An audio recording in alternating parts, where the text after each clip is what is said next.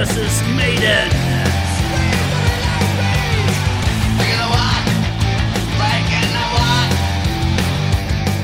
All right. Scream for me, Apollon! It's uh, Thursday night and the pod is back. Yeah! Ingen tok den. Vel, det er jo veldig kjekt å sitte her og prate uh, ute i friluft. Noen kjente fjes er det her. Ja. Eh, og andre eh, Alle har eh, flotte fjes. ja. La nå bare det være sagt. Ja, Ja. da er vi i gang med årets, eh, holdt jeg på å si, sesongens siste. ja. Sesongens siste podkast. Vi har uh, kommet oss gjennom tolv episoder når vi er ferdig eh, i dag. Dette hadde vi aldri trodd. Eh, eller hadde vi det? Nei, Jo. Jeg hadde trodd det. du hadde trodd det. Jeg hadde trodd det. Men uh, hjertelig velkommen til podkasten, uh, Bård. Jo. Takk, uh, og velkommen til deg, Tarjei. Tusen takk. Hva heavy har du hørt på i det siste? Oh, uh, jeg, har, jeg har jo lagt en spilleliste som vi egentlig skulle spille før vi gikk på, men det har vi glemt. Ja. Så den, eh, den har jeg hørt på. Der var det både, der var det både Priest og Maiden. What do you know? Eh, ja. Du, da? Jo, jeg òg har hørt, uh, hørt uh, på, um, på mye heavy, egentlig. Men i dag så så jeg uh, musikkvideoen til KKs Priest. Ja, den, så jeg, i- den så jeg i går. Det må vi kanskje snakke litt om. A Sermon of the Sinner. var det? Sermon of the Sinner. Ja. Ja. Hva, Hva syns, ja, hva syns vi om den, Bård? ja eh, eller nei, kan jeg jo si. Nei, hva skal jeg si, da? Var det en liten sånn uh, overskuddsidé fra Painkiller-platen som, som burde blitt i skuffen? Ja, jeg er delvis, delvis enig. Men uh, jeg syns det var litt, cheesy. Uh, men uh, jeg kunne ikke unngå å like den litt allikevel. Jeg syns videoen var veldig gøy. Med den uh, V-gitaren som For eh, KK Downing eh, liksom til live igjen. Ja, Ja, men det er nå den var veldig gøy. Ja, la oss greit. si at uh, vi sitter, sitter vi litt på gjerdet. Vi er Ja. glad for KK lager musikk. Vi sitter litt på gjerdet, kanskje. ja. ja. Jeg liker at han er ute og, og spiller. Ja. Ja. Du, um, i kveld skal, i kveld skal vi gjøre opp status uh, på denne podkasten. For nå, uh, den heter jo faktisk Priest versus Maiden, så vi skal ta og finne ut uh, Er det Priest eller Maiden som er, har vært mest populær hos gjestene våre i den første sesongen. Og um, Jeg vet at folk der ute dirrer av spenning. Ja, det gjør de. Vi kan allerede si at uh, fagjuryene som vi har hatt, uh, der er vi faktisk likt. 3,5 poeng til Priest og 3,5 poeng til Maiden.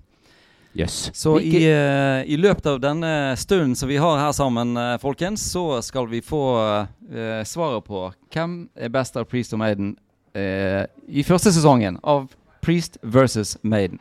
Ja, det, endelig blir det en slags avgjørelse som vi må da leve med utover sommeren og ja. kanskje til- resten av livet. Kanskje det. Du, eh, jeg har bare lyst til å si litt om at eh, det har vært veldig eh, guff på, på Facebook-sidene våre denne uken her, mer enn noensinne. Fordi at vi postet et bilde av Rob Halford i 74 og lurte på hvor det var. Og det var folk fra Hardanger som, var veldig, eh, som, som ville claime dette bildet her. Er det noen folk fra Hardanger her? Og, eh, og, og, og de, de leter med lys og lykte etter fjellformasjoner som ligner på dette bildet til, der Rob Halford satt. Men uh, det viser seg at uh, det var i Egersund. Uh, det var rett og slett Skal vi se i, På Terland Klopp i Egersund. Der stoppet Rob Halford og lot seg avbilde foran en flott fjellformasjon. Skal vi legge ut en, en eh, Google Maps-link, så Ja. kan folk uh, Det kan vi gjøre. plotte det inn på Det sin kan- eh, norgesferie? Ja, for dette, det er jo norgesferie i år igjen.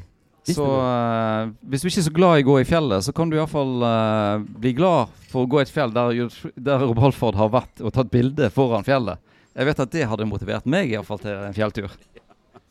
Veldig bra. Uh, ja, Bildet tatt i månedsskiftet mellom mars og april i 74, altså. Ja. Bård. Lenge før du var født. Lenge før. Jeg var ikke påtenkt engang. Nei, kanskje. Det får, det får vi høre med faren din Neppe. neste gang. Vi eh, er jo her for å uh, snakke om alkohol. Ja, vi må jo si hvor vi er, kanskje. Har vi sagt det? Nei, det har vi ikke. Vi er på Apollon Uh, mest uh, muligens den flotteste par, baren i Bergen. Ja, det vil Og iallfall den flotteste platebaren med ølservering i Bergen. Og i Norge. Og i Norge. Og kanskje i verden. ja, Det er ikke mange uh, steder som har dette konseptet, så vidt meg er bekjent. Det kan godt hende, altså. Og, og da har vi jo uh, ingen ringere enn uh, Tor Tessem. Velkommen. Takk for det. Kjekt ja, vi, ja, vi tar imot applaus, selvfølgelig gjør vi det. Det. Eh, det er jo veldig stas at vi kan ha deg med her på vår lille podkast. Og ikke minst kunne bruke Apollon som, som en slags uh, avslutningsfestarena. Ja. Og Bare veldig kjekt at dere kommer og er her. ja, hvorfor uh, skal vi snakke med Tor, da? Jo Bortsett fra at eh, han har plater og øl. Nei. Er ikke det god nok grunn? Eller er ikke det pga. at han har plater og øl, da? Det tenkte jeg. Ja. Vi kan er sikkert snakke om masse det annet, men uh, plate og øl det er et godt utgangspunkt, syns jeg. i alle fall da. Det er det uansett. Vil du fortelle litt om deg sjøl, Tor, i forhold til eh, øl og Ja, er du like glad i øl som du er i musikk? Jeg kan jo begynne kanskje med musikken, da. For det er jo strengt tatt det viktigste. Og det er jo derfor eh, jeg er på Apollon, og derfor jeg begynte på Apollon. Og det er derfor vi driver Apollon videre. Det er jo for å kunne holde på med musikken. Uh, og Apollon har jo vært her siden jeg håper å si en mannsalder, 76, så det begynner å bli lenge. Eh, men det er klart med dalende platesalg utover tidlig 2000-tall, så var jeg nødt til å gjøre noe. Og da kom interesse nummer to inn i bildet. Og derfor, uh, siden vi da blir ansett som kultursted og ikke en butikk, og det er vi jo glad for, så fikk vi lov å få uh, skjenkebevilgning, som gjør til at vi etter hvert har vel da, mener jeg, blitt et av de beste ølstedene i, i landet. Ja, det stiller jeg meg bak. Ja. Uh, yes. Jeg er enig. Og, og, og ikke nok med det, altså det, um, det Dere har begynt å utvide og sånn? Ja, det er planen. Eh, kom litt bardus på oss òg, egentlig. Men eh, i høst i fjor, så etter litt samtaler med folk som har drevet The Garden i Tønsberg og Oslo, så eh, åpner vi i Tønsberg hvis alt går etter planen på fredag neste uke. Så det er jo ikke lenge til, og da blir det akkurat det samme konseptet der som det er her. Så da blir det masse vinyl og masse øl. Ja, veldig bra.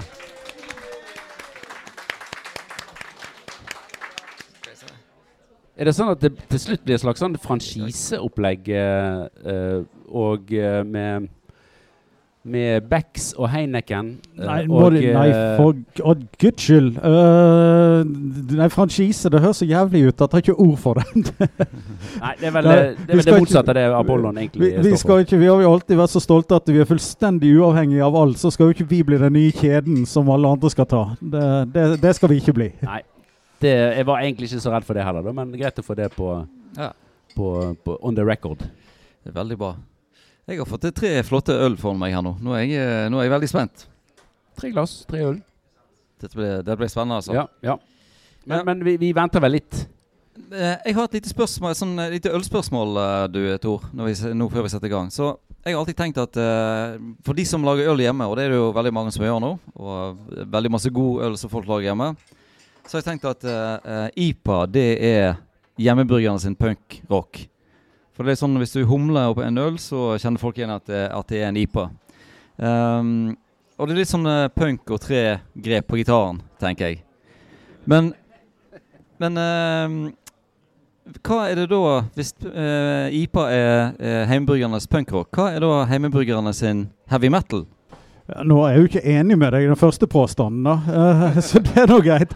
Eh, eh, I punkrock er ja, i attityde at det er lett å lage, men attityden er jo en annen. Og uh, IPA-en er ikke blitt etter hvert uh, rockens Eric Clapton, da. Altså det, Mm. Iallfall gammelmanns-IPA-en, som det etter hvert blir kalt. Så uh, Nei, altså eh, Jeg syns jo det at uh, Det som er metal når det gjelder øl Da må vi jo på det mørke, det tunge. Det, det er jo ingen vei utenom. Uh, men ikke for kakete, ikke for mye sødme, tenker jeg. Det skal være en ganske tørr, sterk stout. Det må være tingen. Er, det, er det noe galt med kake nå, da? Overhodet ikke, men det er ikke veldig metal, er det? Nei, det er kanskje ikke det. Nei, vi holder kaken utenfor akkurat i denne sammenhengen. Men en god bourbonlagra stout må jo være tingen, da. Og litt sånn til tider søtt og kanskje litt cheesy, hvis det, det går an å si det. Cheesy. Du, her er det påstand etter påstand. Er Altså, er er metal blitt cheesy òg nå? Nei, det har jeg aldri eh, Det kan jeg aldri tenke meg. Hva sier du, Taje? Vi Jeg, må jeg tenker at vi skal videre til protokollen, jeg. Ja! Og um, Den kommer alltid like brått på på den meg. gjør alltid det. Altså, og, uh, uh, så for eh, når, når denne podden her kom på luften, så, jo, eh, så har jo allerede da eh, den forrige podden med, med Toto Mjelde vært. Og det er, en det er en stilling på denne her Liker du best Priest eller liker du best Maiden? Og det kan vi si at av de gjestene som vi har hatt, som er da sju stykker i første sesong, så var det to av de som likte Judas Priest best, og så var det fem av de som likte Armaden best. Så Armaden eh, eh, vant hjertekampen, i alle fall. da. Ja, det virker litt sånn Altså litt sånn umiddelbart før folk får tenkt seg om. Så svarer de mange Maiden. Ja. Men så er det mange som har eh, faktisk da når de, når de har gått litt dypere inn i det, så har de svart Priest som er best på det som de har vurdert. Eh, Tor, du eh, må rett og slett eh, svare, du. Priest eller Maiden? Veldig enkelt.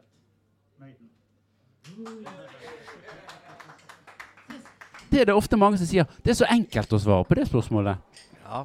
Men vi har hatt mange som syns det er vanskelig òg. Det har vi. Uh, når det kommer til stykket, så er det litt vanskelig også. Ja. Men Ok, uh, ok, vi noterer greit. oss eh, det.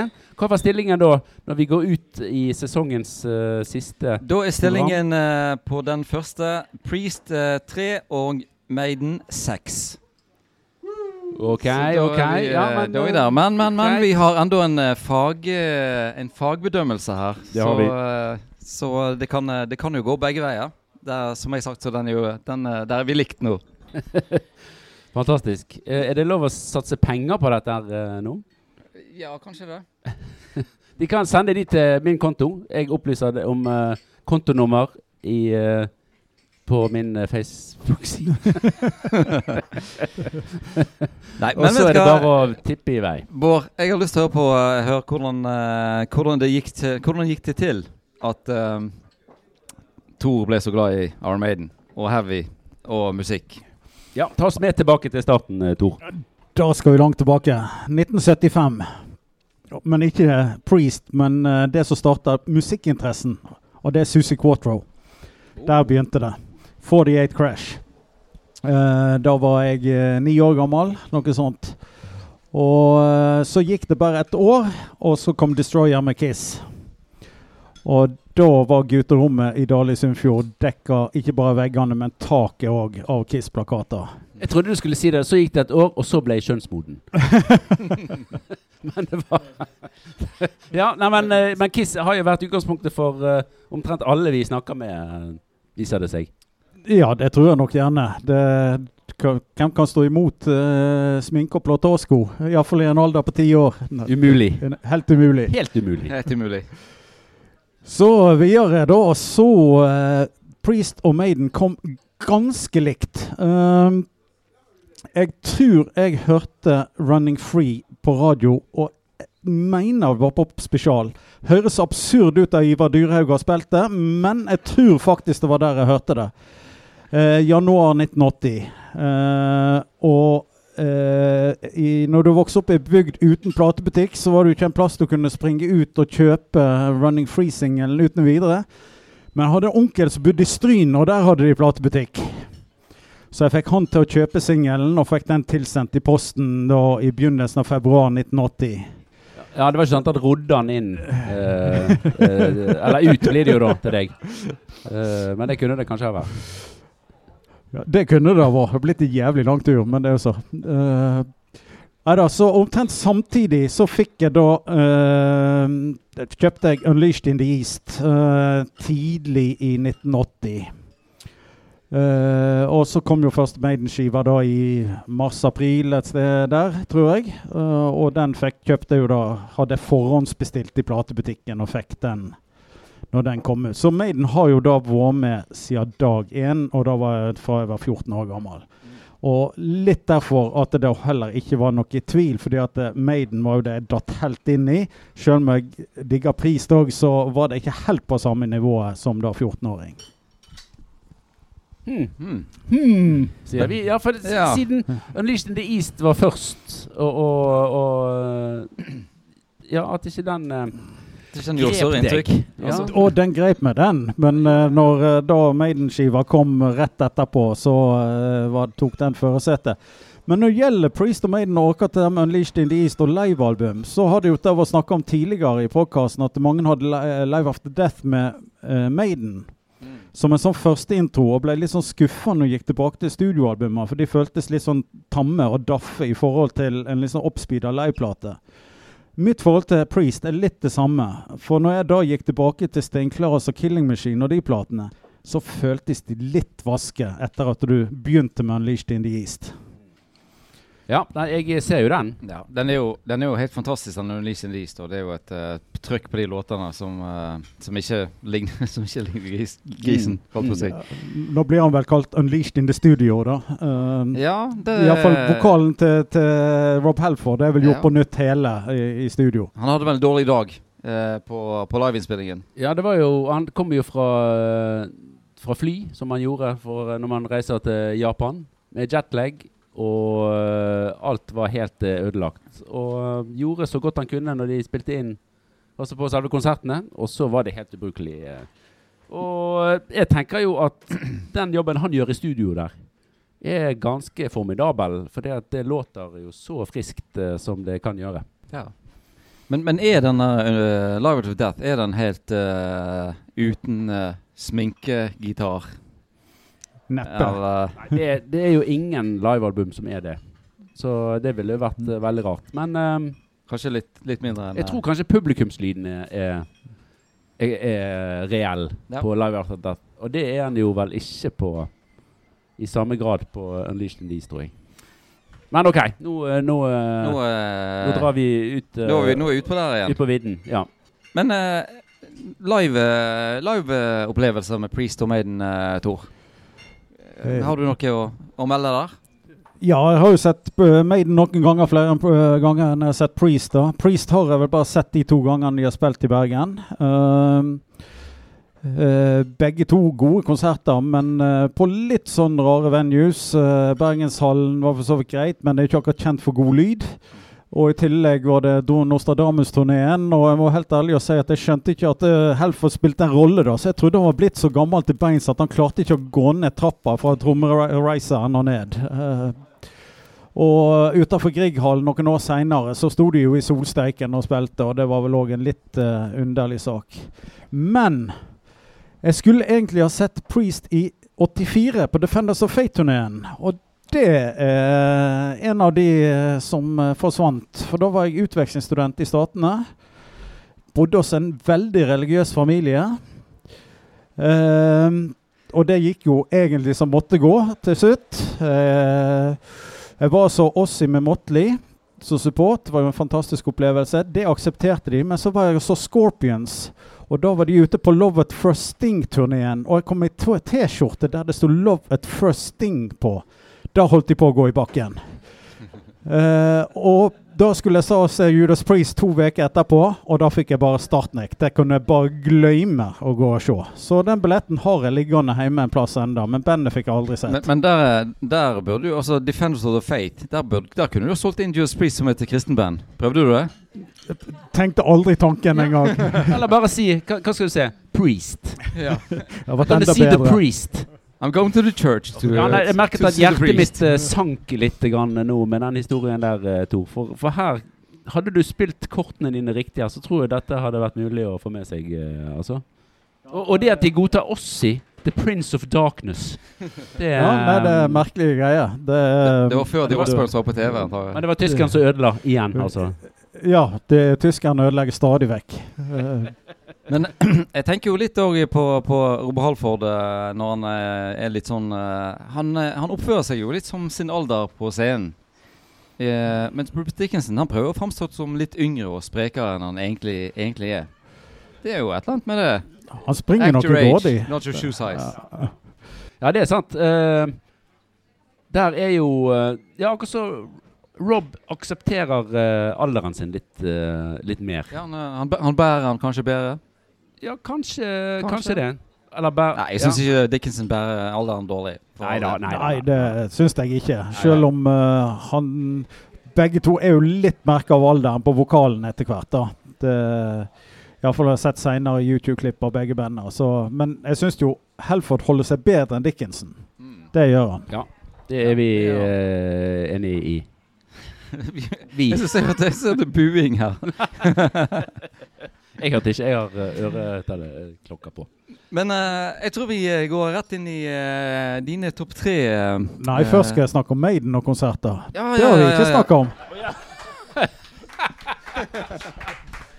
Ja, ja, ja. ja. Ja, OK, ok. Tor. Du skal få, du skal få ordet skal en gang til. Ja da, det er klart det. Ja, og jeg har sett Maiden seks ganger, tror jeg det.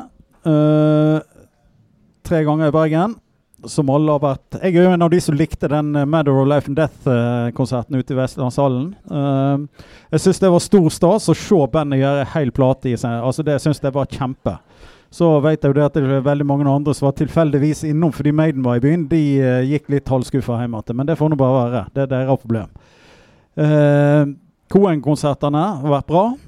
Men eh, de to beste Maiden-opplevelsene jeg har hatt, det ene er Valle Hoven. Uh, hva har jeg vært der? Rundt 2008, ja. Noe sånt.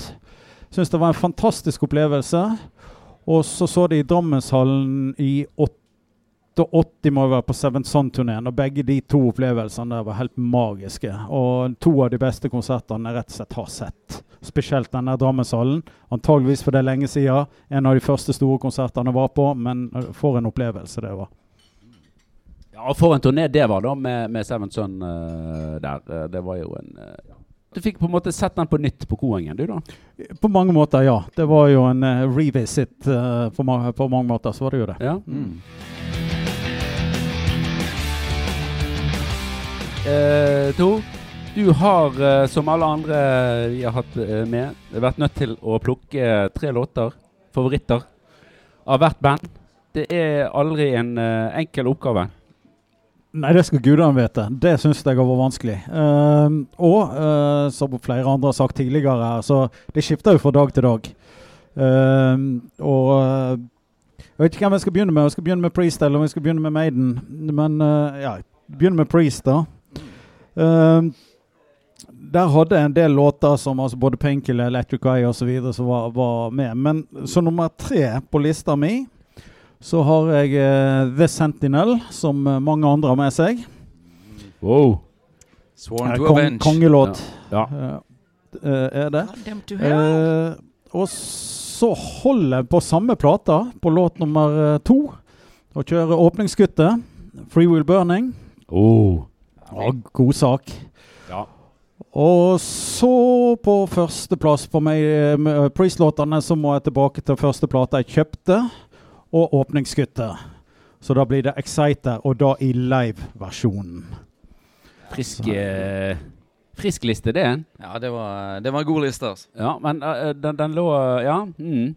Uh, vi noterer oss hvilke årstall Kanskje altså seinere, da, Tor. Hvordan har forholdet til Priest eh, vært med platene som kommer uh, litt senere i Jeg karrieren? eh, ramla opp på Ram It Down, så jeg syns det var Eller jeg datt vel egentlig av på turbo, for da uh, Da var jeg litt for mye purist, og det kom noen synter inn, og da datt jeg av. Ram It Down syns det var skrekkelig dårlig. Prøvde å høre på han hin dagen, og det var jo faktisk noen øyeblikk der. Det hadde jeg nesten ikke trodd. Eh, Ja, men Det er jo bare å ønske velkommen tilbake, tenker jeg. Så Ja, ja. kom Painkiller, som jeg syns eh, Da var jeg litt tilbake igjen. Men så kom jo hele denne perioden da uten Helford, og det, de platene var helt ærlige å si at de har ikke hørt engang. Så jeg veit ikke hvordan de låter. Og men jeg syns uh, Firepower, siste plata, som kom for hva, tre år siden nå, eller noe sånt, syns jeg er fantastisk bra. Så de er tilbake på noe igjen. uh, så til de grader.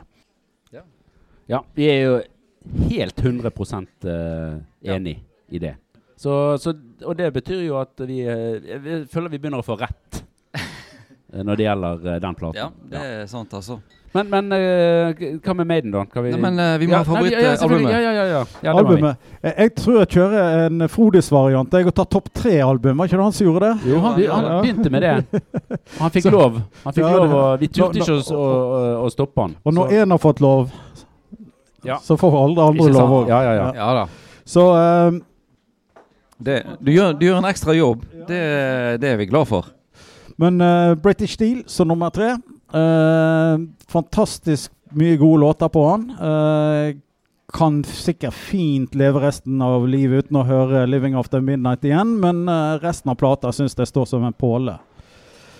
Eh, nummer to eh, hadde jo to låter der, da. 'Defenders of the Faith', som jeg syns er virkelig helstøpt. Og da er vi over i, altså Preezer, i sånn metallmaskin som bare går.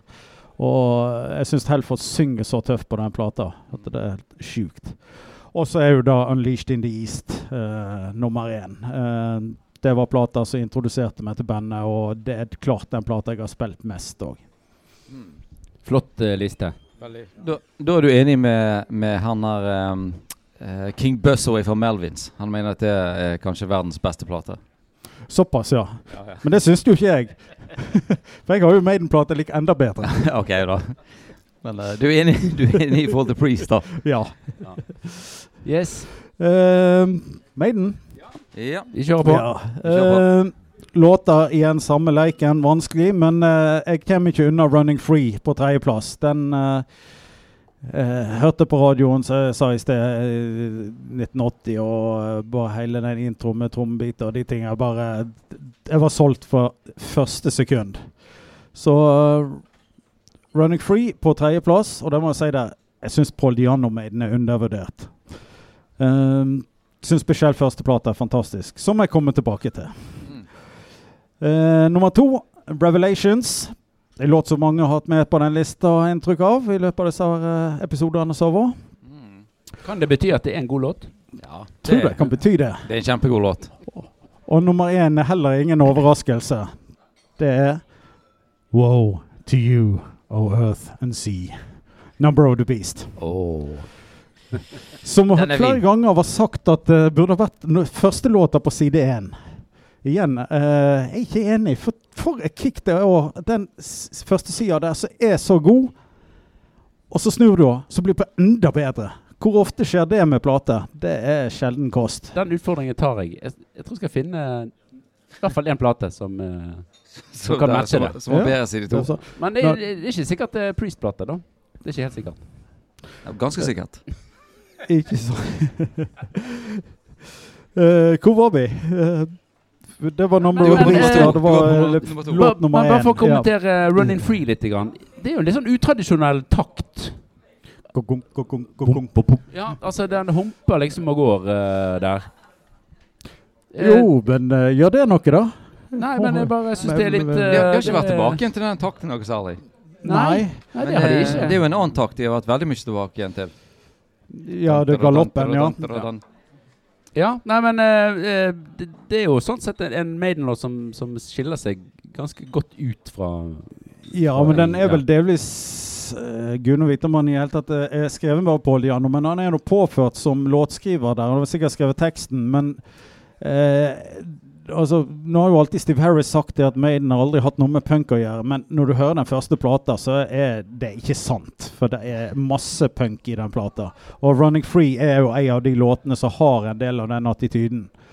Uh, om det er Paul Diano eller hva det er, det, det vet jeg ikke, men at det, de definitivt er påvirka av tidsånden, er jo ikke noe tvil om. Det er mer enn tre grep. i- Definitivt. På, ja. Ja, nei, men eh, en flott liste, da. Det var låtene. Uh, Ja, oh, ja, ja, ja. ja. ja. Album. Er jo nummer én. ja vi har album òg. Ja. Uh, så første albumet til Maiden, det går inn på en tredjeplass der, Uh, er så utrolig frisk, den plata. og Til og med den dag i dag så setter jeg på den jevnt og trutt. Altså. Jeg er veldig glad i den. Nummer to er jo eh, en av de store platene. Eh, har ingen låter på topp tre ennå, men uh, Powerslave eh, Albumet som helhet syns jeg sitter så godt, og låtene står godt til hverandre. Eh, og så blir det jo da eh, på førsteplass da kommer Number of the Beast igjen. Ja, ja, ja. Så den eh, Ja. Det er et mønster her at det er mange som har den så på, som beste plate, altså. Ja. Den er, den er veldig god. Den er god. Den er god. Så er, enkelt er det. Det er det. Det viser seg gang på gang. Det er bra. Ja, nei, men eh, super, eh, supre lister. Ja. Eh, jeg ser jo nå at eh, nå har vi begynt å få inn litt, eh, litt stemme på disse, på disse ølene som vi har smakt. Og da Ja. er det Nå skal jeg smake på den siste her. Skal jeg si hva som eh, Nei, s- kanskje jeg skal vente litt med å si hva, la- hva, la- hvor, stemmene, hvor stemmene har gått hen, da. Men vi har fått inn noen stemmer. Men jeg tenker vi Men skal vi oppfordrer folk til å drikke videre. Er det lov eh, å oppfordre folk til å drikke på en eh, Ja, for vi eh, Ja. jobber ikke her. journalistisk, du kan ikke si det. journalistisk innhold. Ja, OK. Ja, stemmer det. Journalistisk innhold. Du er journalist, du, Tarjei. Jeg, jeg, jeg er journalist. Du, eh, vi skulle snakke om alkohol eh, i dag, rett og slett, siden vi er på en, eh, på en bar. Og, og dette fenomenet som, eh, som eh, har bare eksplodert de siste årene, at eh, gud og hvermann som kan spille på en gitar eller en synt, har lagt sitt eget alkoholmerke. og jeg tenkte at jeg skulle dra litt sånn historiske linje på det her. Fordi at jeg tenker at all merch, det, det er basert på sex. Hvis du kjøper Oi. Kjøper du en uh, band-T-skjorte, så uh, symboliserer du et eller annet. Du håper at uh, noen liker bandet som du har på T-skjorta, og at du får sex. Så det du sier, er at hvis jeg Bård har på seg Priest-skjorte, og jeg syns den er fin, så har jeg lyst til å ha sex med han. Ja. Ja, det var, Ja, det var litt eh, drøy påstand, men uh, OK, men, men la, oss, la, la, oss, la oss nå si at uh, vi uh, ser en dame som har på seg uh, T-skjorte til favorittbandet. Nå ser Bård på dama som har på seg Freeze-T-skjorte. Altså, liker du ikke den dama litt bedre? det er litt pirrende. Jeg skal Ja. innrømme det. Jeg skal innrømme det. Jeg, eh, ja, det Men, men, det- men det- hvis du snur på det, så har ikke jeg alltid tenkt at hver gang jeg tar på meg en band-T-skjorte, at det er en eller annen som, som eh, skal like den, og så ligge med meg eh, nødvendigvis. Det gjør jeg ikke. Ok, så. da er vi litt forskjellige. Nei, glem det. Men hvis vi skal dra det litt tilbake igjen til uh, vår egen eh, Ole Bull, som var fiolinist, så reiste jo han rundt på 1800-tallet, og han hadde merch. Og det som han hadde som var merch, det var såpe og parfyme. Så etter du har vært og sett eh, Ole Bull en eller annen plass på turné i USA og vist at du er litt sånn sofistikert, og så vasker du deg med såpen hans, tar på parfymen hans Ja, da tenker jeg Det var ikke så vanlig å vaske seg på den tiden. da tenker jeg at da, da bidrar det jo litt til Yes. Ja, da, da, da letter Ja, ja, det litt på, på, Ja, på det for sex, altså. Ja, det gjør man jo. Um, jeg, har, jeg har jo hatt eh, den glede, eller kanskje den tvilsomme glede, eh, av å, å eh, spille på heavy metal-festen med en vokalist som eh, sang en Poison-låt. Jeg vet ikke om jeg skal si hvem det er, men det var Peavy. Og han hadde på seg en tangatruse som var da Poison-merch. Og frampå der sto det 'Poison Partied Here' på tangatrusen. Men det som var litt Det som var litt uheldig for meg, da, det var at han hadde på seg eh, såkalte assless chaps. Som er da ridebukse som ikke har, eh, som ikke har rumpe. Jeg vet hva assless chaps eh, er, faktisk. Ja. Og uh, det var litt uh, Det var litt bisarr opplevelse å spille bass bakom en som hadde uh, skinnbukse uten rumpe og poison. Det høres ut som en, en lang dag på jobben, rett og slett. Ja, det var det. Men eh, det bring, bringer oss videre da, til dette her at alkohol er jo noe som Ja Som hjelper, hjelper folk å ha sex. Kanskje. og Derfor er det kanskje et Dette var egentlig en dårlig uh, resonnementslinje, Bård. Du burde stoppe meg da jeg sendte deg manuset. Nei, nei, nei. Jeg synes det, dette, dette kan vi uh, ha som utgangspunkt, uh, jeg altså. Når det har, inkluderer temaene uh, band-T-skjorter og sex og alkohol, så altså, jeg, jeg, leste, jeg stoppet der, jeg, også leste Ok, ikke men-. Men Men, tenk hvis du ser en dame med, med Kiss-T-skjorte. Sånn, vil du være med hjem og drikke en flaske med Kiss-vin? Hmm. Hmm. Hmm. Men- ja men- Faktisk litt usikker akkurat der. Vet du, uh, Tor, når starta det her med at uh, band skulle lage sine egne alkoholprodukter? Har vi, eh, har vi noen sånn tidslinje på det? Sånn, sånn cirka, eller? Jeg hadde en anelse at du kom til å spørre om akkurat det her, så jeg prøvde å google litt på dette her i går. Og det er ikke lett å finne noe info på det, altså. Så uh, eh, Men jeg tror det er jo en greie som har dukka opp i de senere, altså siste ti åra, for å si det sånn. Jeg tror ikke det var mye av det før eh, 2010, eller 2005 iallfall. Uh, Maiden kom jo med Trooper-ølet sitt, det må vel være en 10-12 år siden, vil jeg tippe. Og jeg tror nok av at de var blant de første på øl. Jeg kjenner iallfall ikke til noen direkte som var før. Jeg vet ikke om dere har noen uh... Nei. Det som, jeg, eh, det som jeg tenker på, det er jo han uh, Sammy Hagar. Han var jo ganske tidlig ute med å ha sitt eget uh, sånn Tequila. tequila-merke. og um, han var jo tydeligvis veldig inne i denne tequila-verdenen og sånt. Og dette Jeg vet ikke om du var der, Bård, men det var et år Sammy Hagar faktisk var headliner på Sweden Rock. Jo, jeg var der. Og denne headliner-gigen så jo ut som en uh, stor Tequila-reklame, rett og slett. Ja, der, altså Folk kunne bygget en sånn rampe over scenen. Ja, og da folk sto og drakk liksom der, og det var, det var sånn stort cocktailparty hele scenen. Han hadde en bar bak på scenen med masse damer med uh, korte skjørt på. Ja, men med og, veldig mye publikum på scenen, rett og slett. Ja, rett og slett. Ja. Uh, og jeg, jeg, um, jeg syns jo at ikke det var så kult. Ja, Men han spilte noen Van Hale-låter, og det var kult. Ja, det var kult. Men uh, i ettertid så tenkte jeg at kanskje jeg var litt sånn overnegativ. For at han ville jo bare at folk skulle ha det gøy. Og da burde jeg ha slengt meg på gøyen istedenfor ja. å være negativ. Ja, det valgte jeg å gjøre. Jeg tror Sammy Heger stort sett vil at folk skal ha det gøy. Jeg ja, ser ikke for meg han som en sånn veldig alvorlig Nei. mørkemann. Altså. Han har ingen andre skjulte budskap, tror jeg, eh, enn det. Han solgte jo dette Tequila-merket sitt til uh, mm. For 80 millioner dollar eller ja, det var godt, uh, Han fikk godt med penger. Han fikk godt betalt for det. Og, og så tenker jeg litt på, på uh, godeste Vongraven her i Sigurd Vongraven her i Norge. Han er jo veldig uh, inne i denne vinproduksjonen sin og Vongraven-vinen. Hvis ikke han også ja. har solgt seg ut? Det vet jeg ikke. Nei. Men nå snakker vi litt sånn om to forskjellige ting. For vi snakker om uh, musikere, kunstnere og artister som er dypt og tungt inne og interessert i dette stoffet og er med å produsere det. Mm. Og så har vi det på andre sida de som uh, selger logoen sin for uh, et neve pesos og Eh, gir seg katta katter i hvilket produkt det egentlig blir satt på, så lenge de får noen kroner for det. Ja. Så jeg tror det er to veldig forskjellige ting, dette her. Jeg, jeg, tenker Her har vi en skala med, med, med Sammy Hagar i ene enden, og eh, noen som bare putter logoen sin på en flaske gin i, i andre enden. Kiss-logoer er vel på stort sett alle produkter i hele verden, inkludert alkohol. Jeg tror ikke Gene Simmons har smakt på noen av alkoholproduktene. Han er vel avholdsmann. Nei, det tror ikke jeg heller. Jo, jo, men ikke det er ikke det egentlig to forskjellige skalaer, da, der du har noen som er kjent for å drive med musikk, men som også driver da med henholdsvis vin og sprit, men som ikke har uh, brukt noen av sine bandnavn i disse tingene. Og så har du da på helt på andre siden de som uh, Altså band som da har produkter de setter bandnavnet sitt på, men som der de ikke har noe med ja. å gjøre med selve men, produktet. Uh, men hvor plasserer vi Vongraven, da?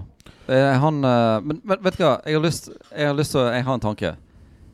Er Sigurd Horngraven Norges sitt svar på Sammy Hagar? han er mer Norges sitt svar på Sammy Hagar enn at han er Norges svar på Gene Simmons. Jo, men ut ifra den alkohol- eller uh, ja, drikkevarebusinessen, ja. så er svaret ja. Og da er det veldig dumt at uh, Eddie van Halen er død. Fordi at da kunne jo Sigurd Wongraven vært neste vokalisten i Van Halen. Ja, nå nå drar du linjene her. Ja. Spennende. Ja, det er synd at han uh, ja. ja. det er mange grunner til at det er synd at Van Halen er død. Ja, dette, var, en av de. Eller, eller var det egentlig det? Ok, men Eh, men, men uh, har vi en skala her, eller har vi, er det to forskjellige, snakker vi om to forskjellige ting? Kan vi ha Vongraven uh, i ene enden og Gene Simmons i andre, eller? Det kan vi ha. altså Midt på et sted der så går det en grense mellom de som faktisk er involvert i produktene sine, og de som bare slipper på en, en logo, selvsagt. Det, det, var det jeg tenkte litt på. Altså, vi, jo, vi skal jo finne ut uh, Priest og, og, og Maiden her, sant? men uh, hvor uh, plasserer vi de på, på, på, på den skalaen? Uh, er vi nærmere Wongraven eller nærmere Gene Simmons? Uh, for, altså Priest, så vidt meg bekjent, har jo hatt lite med, med de produkter som har blitt laga, de har lisensiert ut navnet sitt. Mm. Uh, Rob Halford har vel vært avholdsmann i nærmere 40 år, så han har neppe vært så veldig involvert i de Men, sakene. men der. For, Før 40 år siden så var han veldig entusiastisk. Da var han, på, eh, ja. han var veldig god på dop og, og, og drikk da. Det, ja. det var hvis, han. hvis vi deler alkoholkonsumet hans ut på, på levealderen, ja. så uh, Og det, det, det, den, tenker Når vi kommer til den rommesmakingen, så må vi huske på det at, at Rob Halford han elsket å, å fyre. det må vi huske på. Men, men det er klart, nå i dag så må vi også ta hensyn til at det er 35 år siden han, han smakte på det. Ja, Ja. det er sant. Så, så, ja, så der er jo en viss forskjell, i og med at uh, i fall Bruce Dickinson har vært relativt involvert med, Mm. med det trooper-ølet som, uh, som Maiden har. Uh, og, så, så der er det jo def definitivt en forskjell der. Da, da tenker jeg at uh, der har vi altså Hvis nå dette er første del av uh, poenggivningen, så uh, Da ligger Maiden bra an. Det, ja da, og det er jo et veldig godt øl. Trooper er godt øl. De har flere gode øl. Uh, de- de Ja, for det har kommet det- flere typer uh, under samme merkelapp. Ja, som da Robinson het vel et bryggeri i England som lager disse ølene i samarbeid med Bruce Dickinson. Så der har det kommet jevnt gode produkt uh, hele veien. Det er ikke noe å si på det. Så eh, og Dickinson har vel en eller annen gang sagt at eh, Eller jeg leste det vel biografien hans, eh, at Fullers sin ESB var hans favorittøl og go to-drikke. og Eh, den kan jeg slå meg med på, for det er òg min sånn her Skal jeg bare ha en øl og smakt alt det andre, så full av CSB. Smaker helt fortreffelig. Veldig god. Sånn, Så, og, og det er nok utgangspunktet for de ølene har hatt lyst til å lage òg. Fordi at Trooperen er jo ikke himmellangt derifra, selv om han er en prosent lavere. Så, så vi er jo veldig i den stilen, da. Ja, og et veldig britisk eh, øl. Ikke minst. Men det tror jeg begge de to bandene er veldig eh, obs på. Det er jo at de er erkebritiske begge to, da. Selv om eh, rom fra Uh, håper jeg, fra uh, vestindiske øyer eh, tappa i Sverige kanskje ikke helt leve opp til engelskheten i det, da. Nei, da tar de Ja, nok det er. Commonwealth-biten inn, i, inn i det, tenker jeg. Ja, med Sverige, ja. Ja, Men uh, jeg, jeg, jeg liker jo godt Jeg liker jo uh, det som jeg syns var gøy, det gøyeste med Maiden-ølet. Har de en øl som heter Bear of the Dark? Eller heter den bare Fair of the Dark? Oh. Ja, det, jeg har sett de en sånn mørk øl som heter Fair of the Dark. Men, men Torgrim, kan du bekrefte dette? Vår, vår gode venn eh, Torgeir Møyre gav en uh, saksopplysning at uh, på uh, Koengen-konserten så ble Guinness kalt Bear of the Dark. Mhm. Men du, Men, men, men det at, Ja. husker du vi oppdaget også at det var forskjellige korker? På, Ja, på, det altså, gjorde vi faktisk. Eh, så på Trooper-ølen så er det korker fra alle album, og til og med fra disse eh, lett utskilte uh, Virtual Mm. X og Ja, hele Maiden-karrieren. hele Maiden-katalogen. Det på syns jeg, det var bra. Ja, Men du, eh, Bård, du er jo en litt sånn artig fyr. Says who? Says who? Har du noen eh, gode alkoholdrikkenavn som de her bandene burde, burde slengt til på?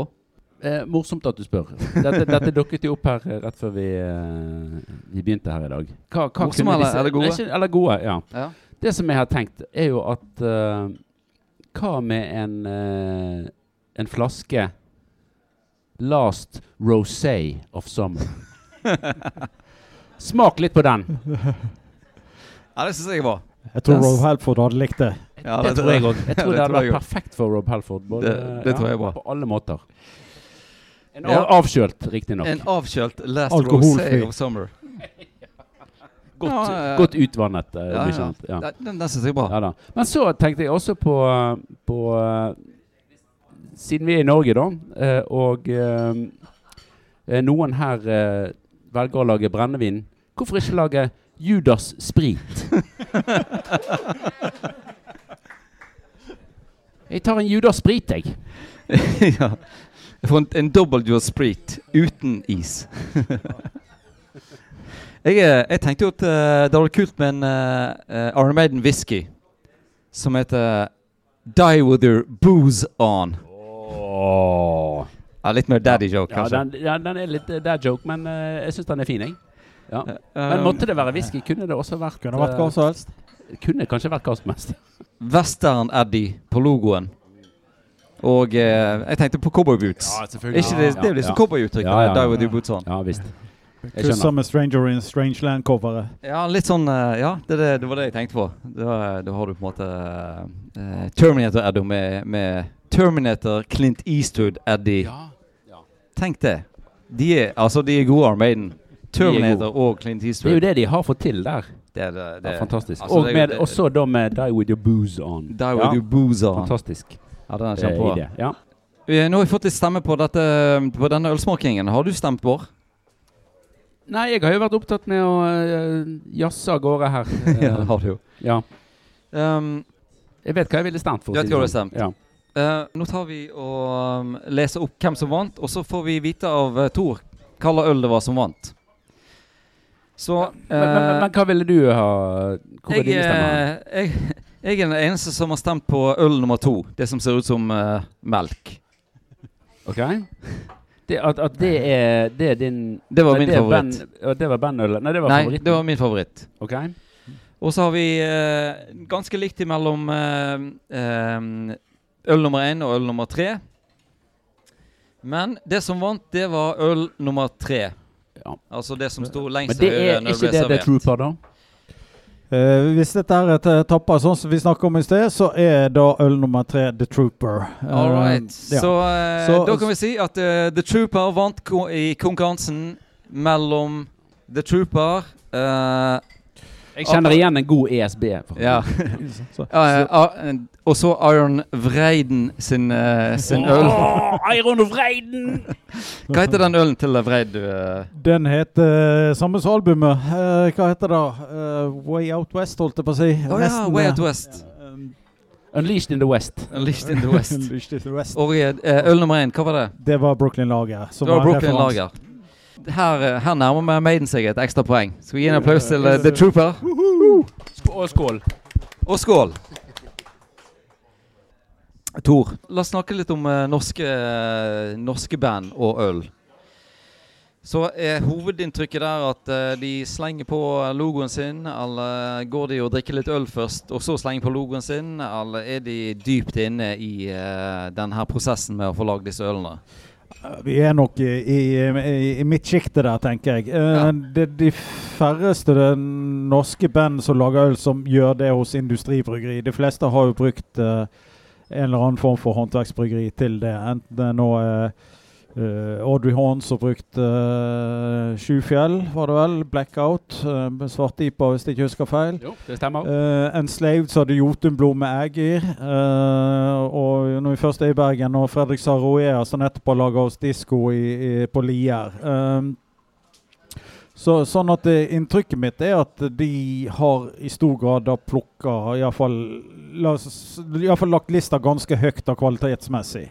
Eh, men det som òg er felles for de, er jo at det, de øla i stor grad er eh, La oss kalle det limited editions, som kun er blitt gitt ut i forbindelse med et albu albumslipp, og, og blir heller ikke laga på nytt etter det.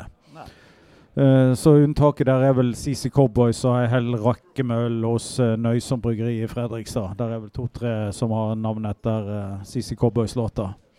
Og hvor de på et eller annet vis har vært involvert. da. Men det, det tror jeg de eneste vet om som er sånne faste produkter i en eller annen portefølje.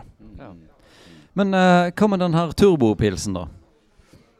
Ja, turbopilsen uh, har ikke jeg smakt. Uh, så Jeg- jeg, jeg ikke den faktisk er uttale ganske meg god. Den smaker pils. Den smaker pils. Ja. Og, og, litt, Ja, ja. og litt turbo. Men, men det, hva tenker du, Tor, om at Tror du det er, er litt sånn stas for bryggeriene å være med på, på sånne ting? Jeg tror det er kjempestas. Uh, altså, disse to verdenene utfyller seg lite grann, uh, fordi de har uh, litt det samme jeg håper å si, klientellet. da, altså Mye av det folket som kjøper fy, altså, musikk på fysisk format, mange er interessert i drikkevarer, og kanskje øl spesielt. Ja, dette har jo du ganske god erfaring med, får vi kunne si. Kanskje en av de beste i Norge.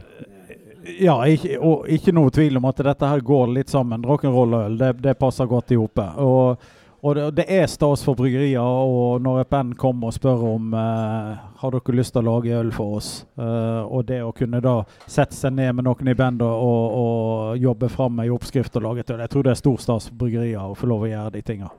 Skal vi gå videre til brennevinet, da? Vi, vi eh, gjør det, altså. Hva er det beste bandbrennevinet du har smakt, uh, Tor? Jeg har ikke smakt noen gode bandbrennevin. du har ikke smakt noe gode. Det var et ledende spørsmål. Rett og slett.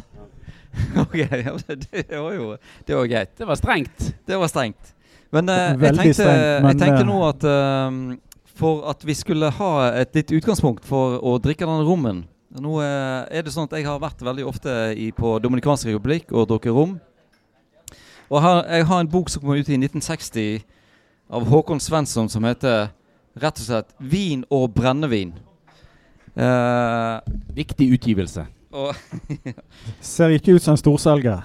Men han skriver altså at uh, rom er oftest fremstilt av uh, melassen som blir til overs når du lager rørsukker. Uh, og av og til så blir han laga av sjølve rørsukkeret. Eh, og derfor så kommer han ofte fra de vestindiske øyer, hvor klima og jordbunn er godt skikka for dyk dyrking av sukkerrøret. Rom begynte de med i 1550, og det er mange forskjellige typer rom på øyene. Og så står det her Jamaica-rom er en kraftig, nesten brutal rom. Oi. Det høres ut som det burde vært Det en, en heavy høres rom. heavy ut. Ja, det hørtes eh, heavy me og ja. Heavy metal ut. ja, Så- skikkelig så- metal også. Så, og da er det jo Det er jo litt spennende at både reggae og brutal rom kommer fra samme øyen. Det er en slags sånn eh, reggae-metal-connection, syns jeg. altså Oi. Reggae metal. Ja, nå skal vi eh, Nå skal ikke vi gi noen noen gode ideer. Nå er vi inne på. Skindred uh, og de bandene der. Uh, fransk kolonirom fra Martinique. Og dette høres veldig lite politisk korrekt å snakke om i dag, faktisk. Uh, en mindre utpreget enn Jamaica-rom. Og Cuba-rom den er veldig nøytral rom, som er da veldig populær i USA. Så du har alltid fra den brutale Jamaica-rommen eh, til den eh, Party on the Beach-rommen fra USA. Sa du populær i USA? Dette må være før Castro. Ja, det kan men det godt være. eh, Det kan ja, det godt være. det er faktisk sant. Et Godt, uh, godt poeng. Altså. Ja. Så Men skal vi, vi, vi må holde politikken utenfor i kveld. ja, det må vi. det må vi Så jeg er jo veldig spent på hva disse bandene har gått uh, for. Liksom Om de har gått for den brutale smaken eller den mer uh, avslepne amerikanske smaken. Eller så, så kan du jo si at uh, som for de fleste brennevin, antageligvis Vet ikke om du kan uh, bekrefte dette, Tor. Så er jo da det mørke brennevinet lagra på uh, svidde eikefat, mens det lyse er lagra på mer stålfat. Sannsynligvis så er det sånn det.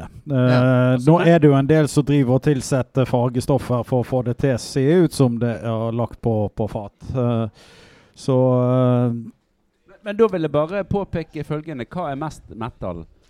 Stål, eh, altså stil, Å eh, eller er det, er det treverk? Er det brent det tre? sier seg jo sjøl. Stål eller rett og slett wood, altså kassegitar. Nei, men jeg tenker òg Siden det er brent, så er det flamme. Ja, det er òg litt stilig. Flamme er jo en del av estetikken i, i heavybander. Det- kanskje de stiller likt. Kanskje de stiller likt. det Vi sier eh, 50-50, ja. Vi, vi, vi gjør det, altså. OK. Skal vi begynne, da? Vi kan Og, begynne og vi tar rett og slett ta oss og smaker oss igjennom nå fire eh, Fire rom. Og her er altså tre av de band eh, Eller hva Ja. kaller vi det? Merch-rom. Ja, det, det, det er altså Det er fire rom. eh, så det er tre av de er lagd av, eh, av eh, noen band. Og ett av de er, ifølge Tor, en god rom. Han som ikke syns at det fins godt brennevin. Han har tømt alle glassene allerede her nå. Ja. Det var en spøk. Ja, skål. Skål. Jeg må si at jeg er jo ikke noen særlig eh, brennevindrikker, jeg heller, som jeg regner regner med Tor ikke er. Siden han ikke liker brennevin, da. Eller kanskje liker du det selv om du syns det er dårlig? Uh, jeg må si at uh, på, på rommet jeg er novise i beste fall. Uh, whisky har jeg nok litt mer å tilføre, men her uh, har jeg ikke mye å, å mene altfor mye. Det, her er det disse her, så er det jo Altså, det er to som er ganske like. Uh, mye sødme og ikke så veldig mye annet. Så er det en som føles litt krydret, og så er det en som har en helt annen karakter. da. Så Nå, nå skal jeg smake på min siste. Eh, Det jeg kan røpe, er at, eh, at Tarjei han er en underbergerkjenner av rang. Ja, men det fins jo bare en underberger, så det er ikke noe særlig sammenligna. Men, eh, Nei, jeg kan, det. Det men jeg kan, eh, jeg kan også si det at eh, jeg har eh, vært mye i Karibien. Det har du. Dum rett. Og, eh, og jeg har skrevet bøker mens jeg har vært i Karibien, så da har på en måte et lite glass rom vært en liten følgesvenn til, til skrivingen. Så det er kanskje det brennevinet jeg, har, jeg kjenner best ja, ja, til. men da er du jo på en måte litt sånn på hjemmebane, da. Nei, jeg, jeg, jeg kan si så mye at rom er ikke mitt foretrukne brennevin. Er det lov å si? jeg Ja, det er tenker det er helt innafor. Ja. I hvert fall ut ut ifra dette utvalget her. Men eh, eh, Bård, vi må tenke litt på hvordan eh, Er det sånn Hvis, hvis nå eh, Judas Priest Firepower-rommen troner på eh, øverst her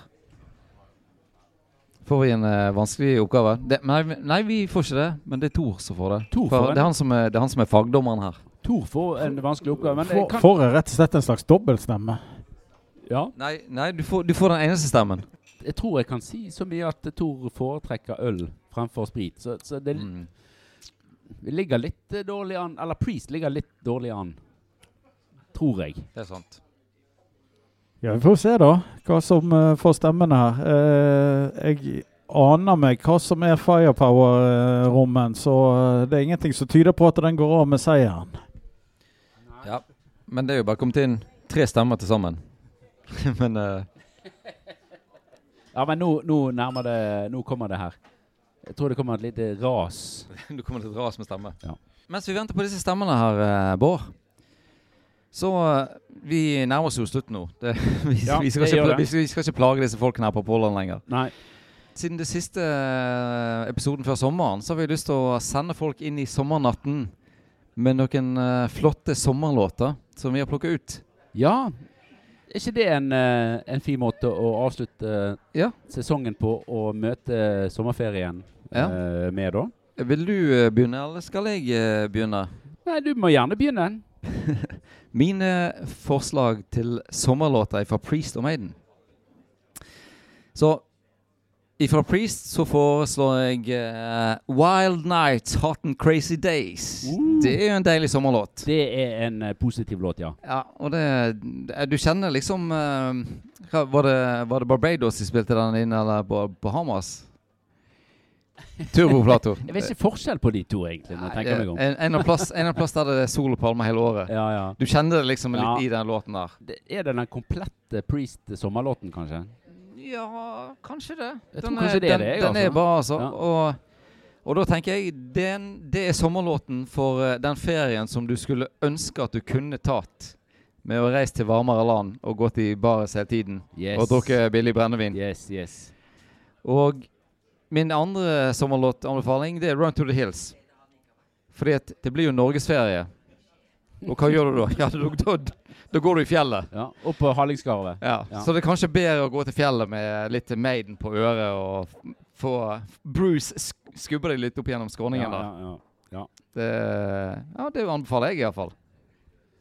Du, det, jeg syns det var gode Altså, det er jo gode låter, så det er nå greit. Uh, jeg òg har tenkt litt på det der. Eh, prøvde å tenke litt sånn eh, positiv, eh, ladet eh, sommerstemning. Kombinert med en slags budskap. Så for meg så ble det 'Heaven Can Wait' fra 'Somewhere In Time'. Der du må rett og slett vente litt, eh, litt til før du er i, i himmelen når det gjelder festivaler. Kanskje du skal til utlandet Mm. med sine deilige, sin deilige mat og drikke og alt Mm. dette. Eh, ja. Så det, det å vandre rundt i på et festivalområde klokka eh, ett på formiddagen oh, og se I mild bris. helikopters på eh, storscenen og drikke den wait. første ølen, Heaven can wait. det er jo himmelen. Ja visst. Og den må vente litt. uh, mens jeg også tenkte at uh, Priest sin One Shot at Glory i disse vaksinasjonstider så går vi altså for uh, det, det er egentlig two shots of glory, men, Ja, men vi må begynne med Vi må begynne et sted. Skal spille den to ganger på rad. Ja. Så i vaksinasjonssammenheng one shot at glory. Det er bra.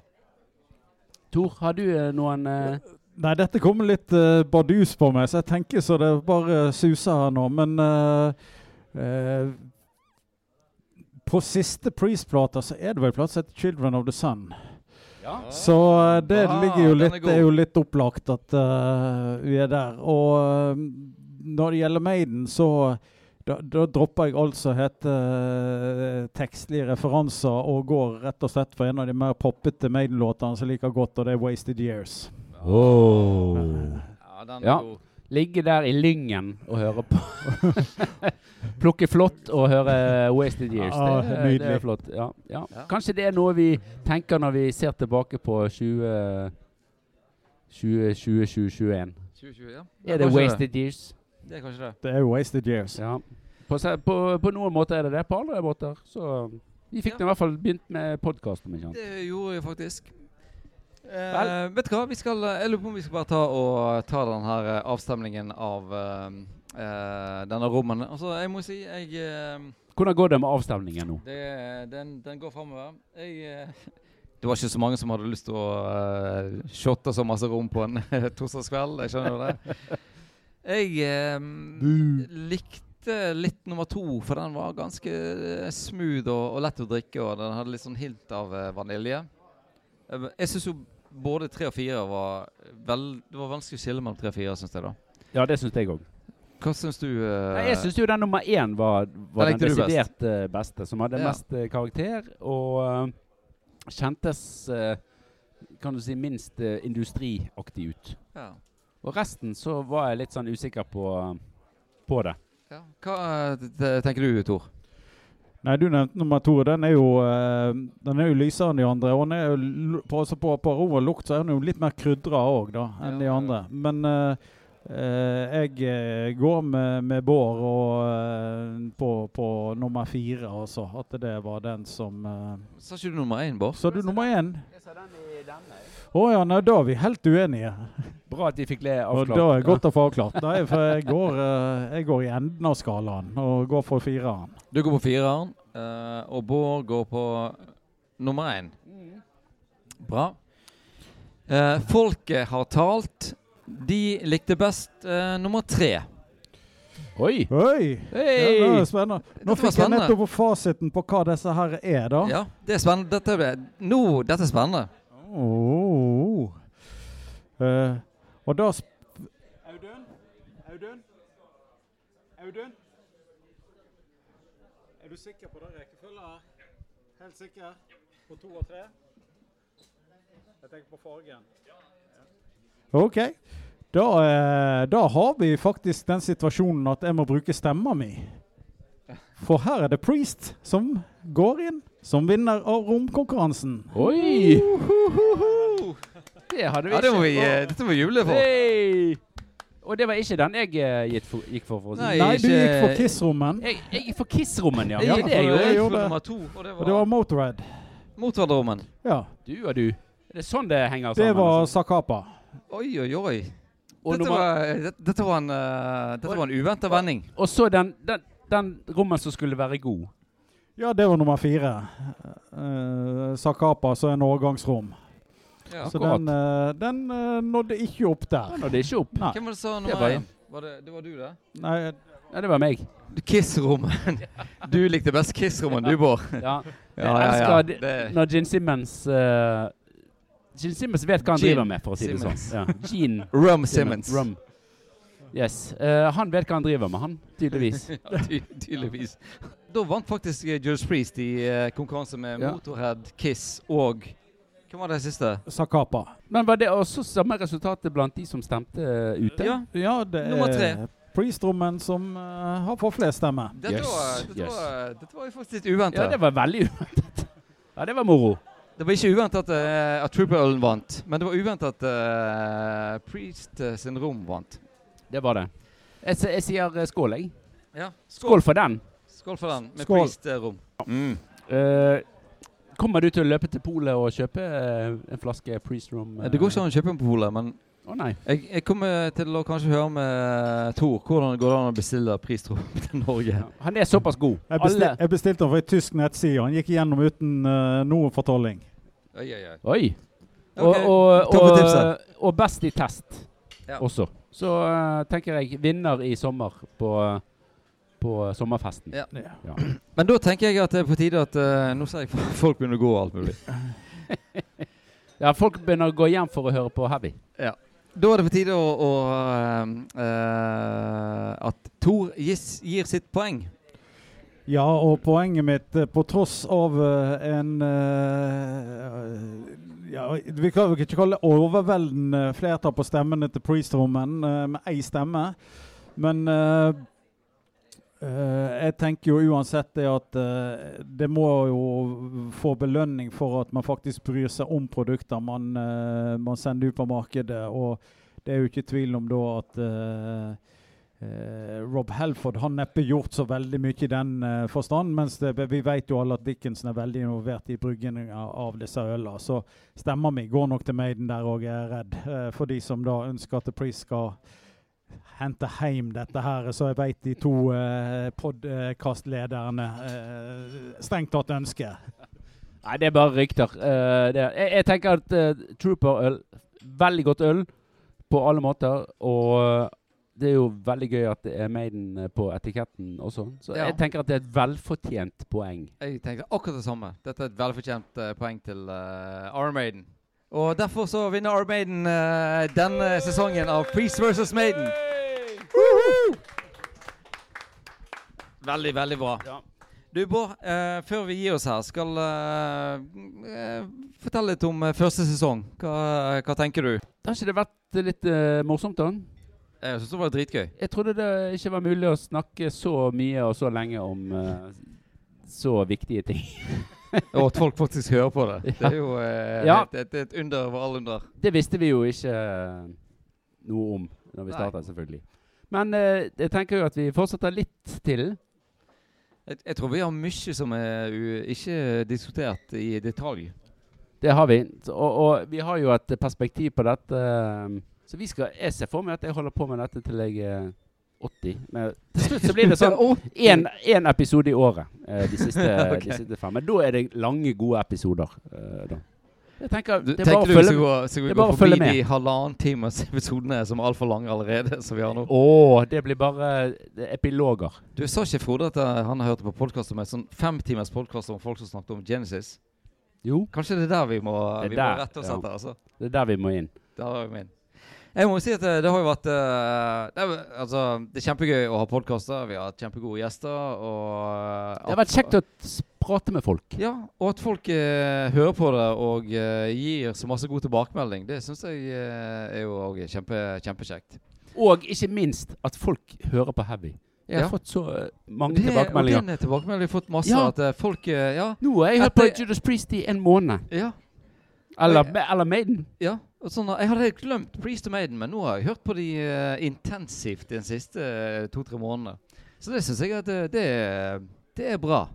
Der har vi uh, Da tenker jeg vi har på en måte utfylt vårt eh, mandat. Og kanskje de kommer her til Tor og har lyst til å fylle på litt på, på samlingen sin. Ja. Så da har vi jo hjulpet litt det lokale næringslivet òg. Har du merket noe til det?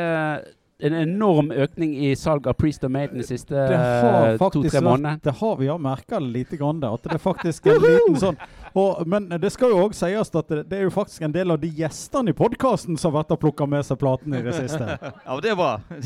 ja, det er kjempebra. Ja, Men, nei, men eh, da bidrar vi jo alle Det, det synes til en bedre verden. Altså, eh, det er ja. det vi gjør. Hvis folk hører med på her, så blir det en bedre verden. Men skal vi si Skal vi tease litt om neste sesong, eh, Bård? Hva skjer eh, i neste sesong? Skal vi snakke om Priest uh, og Maiden? Ja. Perfekt. Det blir en perfekt uh, Men, sesong. men, men han? jeg må jo si at vi kan jo tease med at eh, i neste sesong skal vi begynne med internasjonale gjester. ja, det skal vi. Vi skal over Oh. landegrensene. Ja, vi skal Ja. over landegrensene. Og i alle fall én, og kanskje flere internasjonale gjester. Så kanskje vi nesten nå skal branche ut og, og bli eh, Men blir det på, på eh, engelsk, da? Eller tekstet? Kanskje det blir tekstet? Kanskje det blir tekster for uh, hørselshemmede. Kanskje vi kan ha sånn options Ja. der. Det blir avanserte greier. Men du, Ok. eh, og så må jeg, bare, jeg skal bare gi en uh, shout-out her til slutt. da Vi har, vi har eh, Det er mange folk som, Det er mange som melder seg inn som, som gjester på podkasten. Men vi har fått ett ønske om en som, vi, som noen vil ha som gjest i podkasten. Og det er Thomas Tofthagen fra Ordre i Horn. Oi! Så da tenker jeg vi, vi caller ut til Thomas nå. Du, Ja. du er ønska som gjest. Og uh, han er ikke uvillig. Vi skal prøve å få han med ja, oss. Møt opp. Og han har spilt med Paul Diano. Han har spilt med Paul Diano. Det er det første jeg kan komme på. Uh, I tillegg til at han er en flott fyr. Flott fyr og flott gitarist. Som liker heavy. Du, Bård. Eh, jeg tror vi gir oss for i dag. vi De sier god sommer. vi sier god sommer til alle. Jeg sier takk til deg, Bård, eh, Jeg for, podkasten. Ja, takk til deg, Tarjei. Og takk, tusen takk, eh, Tor, for at du var med. Og Ja, at vi kunne, vi kunne sitte her på Apollon og kose oss med Og drikke brennevin og lage podkast. Så vil jeg si takk til alle som kom på Apollon, Og takk til alle som har hørt på podkasten gjennom hele sesongen. Woohoo! Og så er det jo eh, Gi oss eh, fem stjerner på eh, alle plasser du hører på podkast. Lag krøll på eh, TikTok og Instagram og Facebook og Gmail. Up the arms. Priest forever. Og Og The Priests will be back. And the mate will be back. Yes. Ha det bra. Hei.